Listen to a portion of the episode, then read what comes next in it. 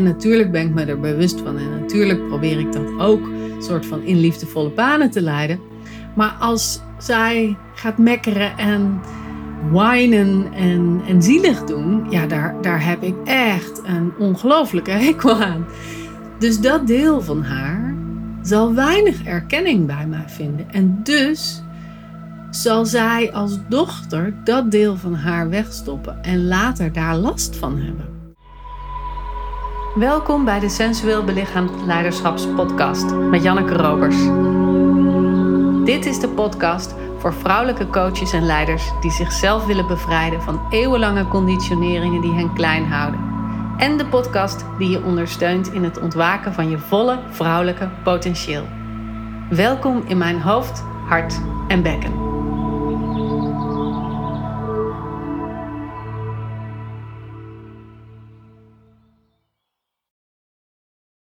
Het zal je niet ontgaan zijn dat afgelopen week voluit vrouw zijn is begonnen. We hebben de eerste tweedaagse live gehad. En ik wilde in deze aflevering terugblikken en mijn bevindingen met je delen.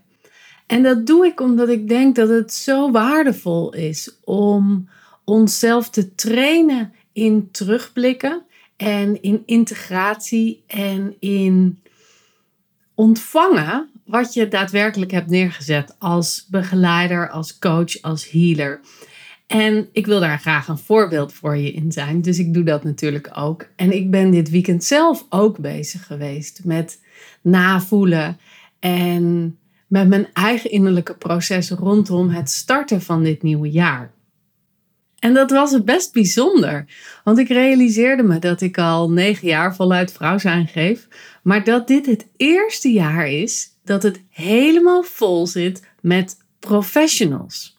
En dat is grappig, want ik ben natuurlijk al de afgelopen, nou, ik denk zo drie, vier, misschien wel vijf jaar bezig met steeds meer professionals in de groep te krijgen. En dat gebeurt ook automatisch. En deelnemers noemden het steeds een opleiding. En dat vond ik zelf altijd heel gek, omdat ik het niet zie als een opleiding, maar meer als een ervaringsgericht jaar waarin je jezelf ontdekt. En natuurlijk ook heel veel in gang zet voor je werk. Maar vooral is het een innerlijke reis. Maar omdat mensen dat zo vaak zeiden, ben ik ook langzamerhand steeds meer op die doelgroep gaan richten. En dit jaar is het dus voor het eerst dat er alleen maar begeleiders, coaches, healers, opstellers en transformators in zitten. En dat is zo bijzonder. En er was zelfs iemand en die zei tegen mij, die kende mij al van, uh, vanaf 2017 vanuit een oud programma. En die zei tegen mij, je zit zo anders voor de groep. Je zit zo veel meer als een gelijke voor de groep in plaats van een docent richting een deelnemer. Maar jullie zijn allebei geïnteresseerd in elkaar. En dat was een heel mooi, mooie opmerking. En dat deed me ook heel erg terugdenken aan nou, de hele reis die de afgelopen, nou, zo'n 15 jaar dat ik nu lesgeef, is geweest. En wat voor soort groepen dat zijn geweest, wat voor soort deelnemers dat zijn geweest en de ontwikkeling die daarin zit. En toen ik dit weekend ging terugdenken over van wat is er nou anders dan de afgelopen jaren, kwam ik vooral uit op dat het zachter is. En niet zachter in de zin van gemakkelijker, maar zachter in de zin van dat er minder catharsis zit in de oefeningen, maar meer een diep doorvoeld weten en voelen en resoneren en direct de diepte in kunnen weinig weerstand voelen ook. En een grote eigen draagkracht om de oefeningen te doen. En dus ook direct te doorvoelen welke hm, pijn of welk gemis of welk verdriet er nog zit. Zonder dat die eerste diepe laag van het ik-stuk nog opgeschoond moet worden. En daar zit wat mij betreft geen oordeel op. Ik bedoel, we moeten allemaal door die eerste laag heen. Maar op het moment dat je dat gedaan hebt en dus wat meer naar binnen kunt zijn en kunt voelen: oh ja, ja, ja, daar zit die weer. Ah ja, deze heb ik alles gezien en hij zit er dus nog steeds en ik mag hem nog net iets meer verzachten. Bijvoorbeeld een patroon van hard werken of een patroon van zorgen voor de ander of een patroon van jezelf vergeten en echt verlangen naar mij-tijd, naar ik-tijd. Dat je dat dan tegenkomt en dat je daar niet zo onwijs van schrikt en helemaal in moet duiken, maar meer zo kan observeren en kan voelen: ah, ah, daar mag ik nog een stukje dieper in landen of dat mag ik nog een stukje dieper helen. En dat is ook de plek van de alwetende vrouw waar ik het wel eens over heb, die oerwijze, helemaal hele, gecentreerde vrouw, die wijze vrouw in jou, die ver voorbij al die aardse pijnen en geschiedenis en ervaringen is, maar echt dat pure licht. En als je vanuit haar gaat relateren, dan zijn al die aardse struggelingen zo klein eigenlijk en zo onnodig. En wat ik merk in deze groep is dat ze veel eerder in die plek kunnen landen. En dat is niet omdat ze beter of verder zijn, maar meer omdat er meer ervaring in zit. Dus meer omdat je vaker het proces hebt gedaan. En dat is misschien ook wel het antwoord op de vraag die ik wel eens krijg van wordt het, wordt het wel eens beter? Ik, ik doe nou zoveel programma's en healings en ik ben zoveel mezelf aan het onderzoeken, maar ik moet steeds huilen. Wordt het ooit nog eens beter? Nou, het stuk waar je mee worstelt, blijft natuurlijk altijd het stuk waar je mee worstelt. Dat zit er zo ingebakken dat het niet zomaar ineens weg is als je bij die hele diepe oorspronkelijke laag komt. Waarom dat ja, in jouw zijn ingebakerd is, zeg maar. Het wordt wel zachter. Het wordt wel gemakkelijker om het te observeren, te zien dat het gebeurt en een helende stap te zetten. Dus je raakt als het ware minder verstrikt in die langspeelplaat, in die groef. En je hoeft niet steeds dezelfde cirkel te draaien, maar je kan het lied helemaal uitspelen tot het eind. En dat is wat ik bedoel met dat het zachter wordt. En in de bedding van dat het bij vele van de groep zachter is, maakt ook dat de bedding groter is en daardoor anderen ook weer meegenomen kunnen worden in die stroom. En het leuke voordeel daarvan is, vind ik, als sensueel belichaamd trainer, dat de mate van sensualiteit echt exponentieel groter is. En dat ligt hem in de ruimte die mensen nemen voor eigen expressie en het volgen van hun eigen richting in een oefening. Dus ik zet bepaalde kaders. Ik nodig je uit om verschillende ervaringen te ondergaan, te voelen. En mensen nemen hun eigen zijpaadjes daarin. En ik hoor dus ook in zo'n groep, en ik zie dus ook in zo'n groep, dat er allerlei verschillende zijprocessen gebeuren, als het ware. En dat komt omdat mensen eigen leiderschap nemen. Omdat ze voelen, oh, dit is waar ik nog iets te openen heb. Dit is waar ik nog iets verder in te landen heb. En sensualiteit gaat dan niet over de mate van naaktheid of de mate van verbinding met seksuele levenslust. Nee, het gaat over de mate van overgave en zelfexpressie en het volgen van de innerlijke lust en de innerlijke sappigheid in een oefening. Dus waar kan ik nog dieper openen in deze oefening? Waar kan ik nog dieper landen in deze practice? Waar kan ik nog voller mijzelf zijn in deze practice. En dat was magisch om te zien en heerlijk om als begeleider dat, ja, daar de draagkracht voor te kunnen bieden. En nog iets wat ik ontdekte, en dat is meer een persoonlijk iets wat ik in, de, in het afgelopen weekend zo naar boven kwam, is ik doe oefeningen voor. Ik geef nooit les in iets dat ik zelf niet doe of niet meer praktiseer, omdat ik denk, ja, dat wat voor mij voedend is, kan voor een ander ook voedend zijn. En ik vind dat ik de oefeningen echt heb te kunnen dragen door er zelf ook helemaal te kunnen zijn. Dus ik deed ook een oefening waarin we een gesprek tussen ons hart en onze yoni hadden, deed ik voor. Dus ik ging ook daadwerkelijk op de plek van mijn hart zitten en daadwerkelijk op de plek van mijn yoni zitten. En daar was echt even een uitwisseling tussen die twee. En om dat weer te kunnen voelen zo van, hoe is het met mijn hart? En dat hart dat was echt magisch groot en heel erg aanwezig. En echt een soort van, nou, anderhalve meter breed. En dat was heerlijk om in te kunnen wentelen. En toen ik op de plek van mijn Joni zat, had hij zoiets van: wow, wat gebeurt hier? Ik uh, ben een beetje geschrokken van die grootsheid van het hart. En hoor je mij nog wel? En is er nog wel ruimte voor mijn innerlijke bruis? En dat zo even kunnen doorvoelen en ook kunnen delen in de ogen van mijn groep, is voor mij ook heel erg bekrachtigend.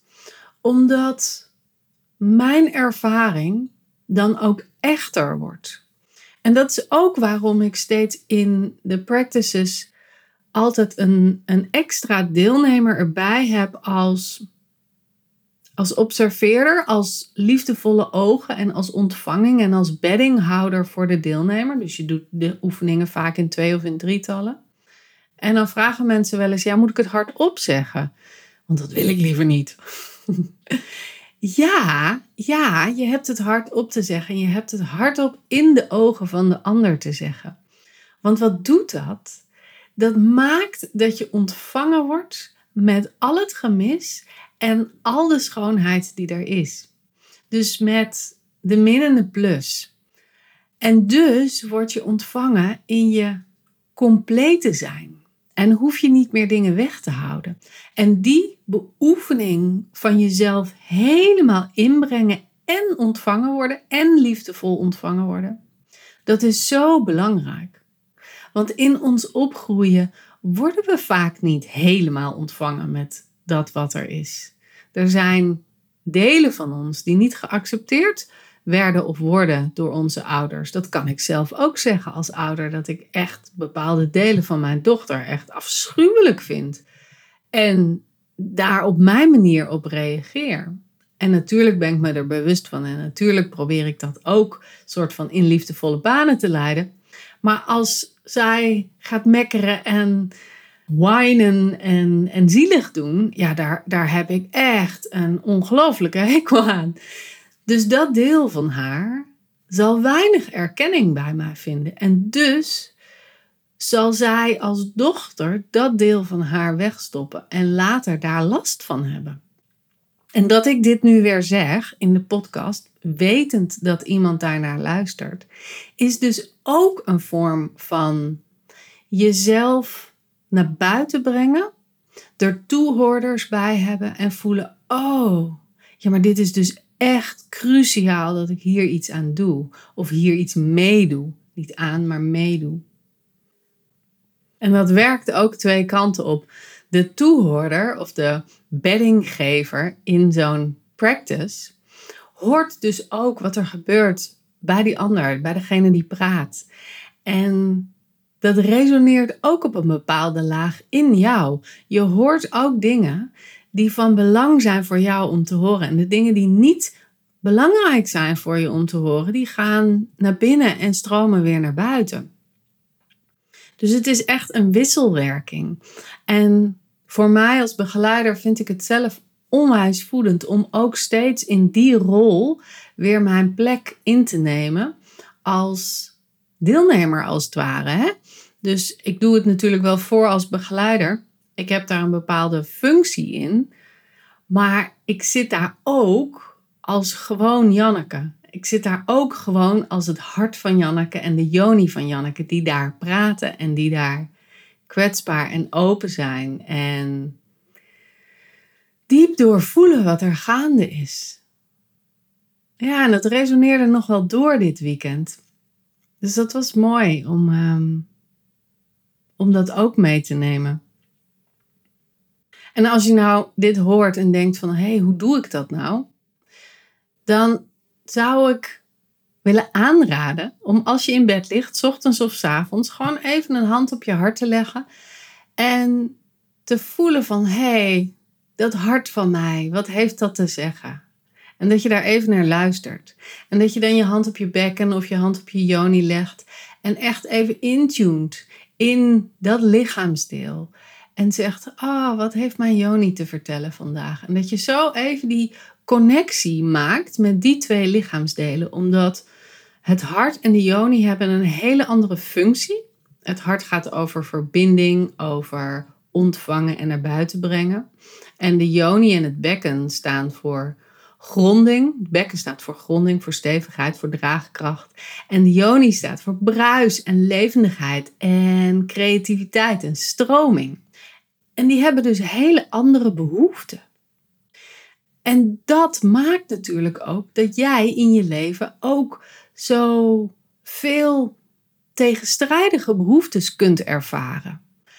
En dat soms er één behoefte is die helemaal niet gehoord wordt en daardoor op de achtergrond een beetje gaat zeuren van ik heb aandacht nodig. Bijvoorbeeld, ik kan heel erg voelen in mijn leven dat vrijheid is een heel belangrijk ding. En als ik daar geen uiting aan geef, als ik niet de ruimte geef aan de vrijheid, dan ga ik in de beperking van de structuur van mijn dag steeds aan de grenzen morrelen. En dan ga ik bijvoorbeeld uh, later mijn dochter ophalen van school, omdat ik gewoon nog even die ene minuut vrijheid wil. En dat is super kinderachtig en het slaat nergens op. Maar als ik dus toegeef aan mijn hunkering naar vrijheid en dus gewoon zeg, die en die dag ben ik er niet. En tegen mijn man kun jij het regelen. Dan is dat onderdrukte gevoel niet meer zo aanwezig. Nou, dus dat was een, even een tussentijdse tip. Luister naar dat hart en luister naar die Joni. En dan het laatste ding wat ik wilde delen als terugblik op dit eerste live blog was dat het voor mij een onwijs helende ervaring was om mijn deelnemers de zuster supportgroepjes te zien maken. Ik heb de afgelopen jaren dat in ieder voluit vrouw zijn groep gedaan. En dat roept vaak schoolpleintaferelen op. Ja, het is echt te gek voor woorden. Maar als vrouwen mini-groepjes gaan vormen binnen de grote groep om huiswerk in te doen, om uh, oefeningen in te, um, oefenen met elkaar, om echt samen te komen. Dat kun je niet met de hele grote groep doen, dat doe je met kleine groepjes binnen de groep. Dan gaan oude patronen heel erg opspelen. Vergelijkbaar als word ik wel gekozen in de gymles? Of bij wie hoor ik erbij op het schoolplein? Vinden ze me wel leuk? Uh, mag ik wel mijn verlangens volgen dat ik heel graag bij die en die in de groep wil? Of is het hier wel veilig genoeg om mijn stem te uiten? En die dingen, die hebben de afgelopen jaren soms op de onderstroom echt heel erg meegespeeld. En dat vraagt van mij als begeleider echt super fine-tuning op de begeleiding. Terwijl ik altijd zeg in het groepjes maken: dit is een proces van jullie, dit is niet een proces van mij, want dan zijn jullie ook verantwoordelijk voor jullie eigen groepjes en dan ook verantwoordelijk voor wat er gebeurt in die groepjes gedurende het jaar. Dus dat is heel belangrijk dat ze zelf verantwoordelijkheid daarvoor nemen. Maar het vraagt wel van mij om heel goed te zien: hé, hey, wat gebeurt hier nou? En dat in goede banen te leiden als het niet uh, stroomt. Nou, dit jaar was ik natuurlijk een beetje bang dat dat weer zou gaan gebeuren en dat ik heel erg erbij moest zijn. En het was binnen twee minuten geregeld. En dat was zo magisch Dat ik dacht, oh ja, zo nemen we ervaringen uit het verleden mee naar het heden. En gaan we reageren op het heden vanuit opgedane ervaringen van vroeger. En dat hoeft helemaal niet. Als ik me openstel voor, hey, deze groep is weer nieuw, jullie mogen zuster supportgroepjes maken, dit en dit zijn de randvoorwaarden en dit en dit is hoe het gebeurt, dan kan ik opnieuw weer kijken hoe dat gaat. En deze keer ging het zo snel en zo vlot en zo warm. En natuurlijk is het ook nog even voor hen uitzoeken: is dit de mooie samenstelling? Kunnen we hier het perfecte uithalen wat voor, voor mij als deelnemer het belangrijkste is? En dat gaat zich vormen gedurende het jaar. En natuurlijk zijn daar onderliggende patronen die meespelen, maar de snelheid waarmee het geregeld was en de okéheid waarmee het ging, vond ik echt heel warm en heel fijn. En ehm, ja, dat bevestigde voor mij eigenlijk wat ik aan het begin van deze aflevering zei: dat mensen die veel trainingen hebben gedaan en veel innerlijk proceswerk hebben gedaan, zoveel zachter kunnen omgaan met dit soort thematiek en met hun eigen innerlijke patronen. En dat was voor mij echt een bevestiging dat ik heel erg op de goede weg zit hier in het focussen op coaches, begeleiders, trainers, healers, opstellers. En ehm, ja, dat ik ontzettend zin heb in dit jaar.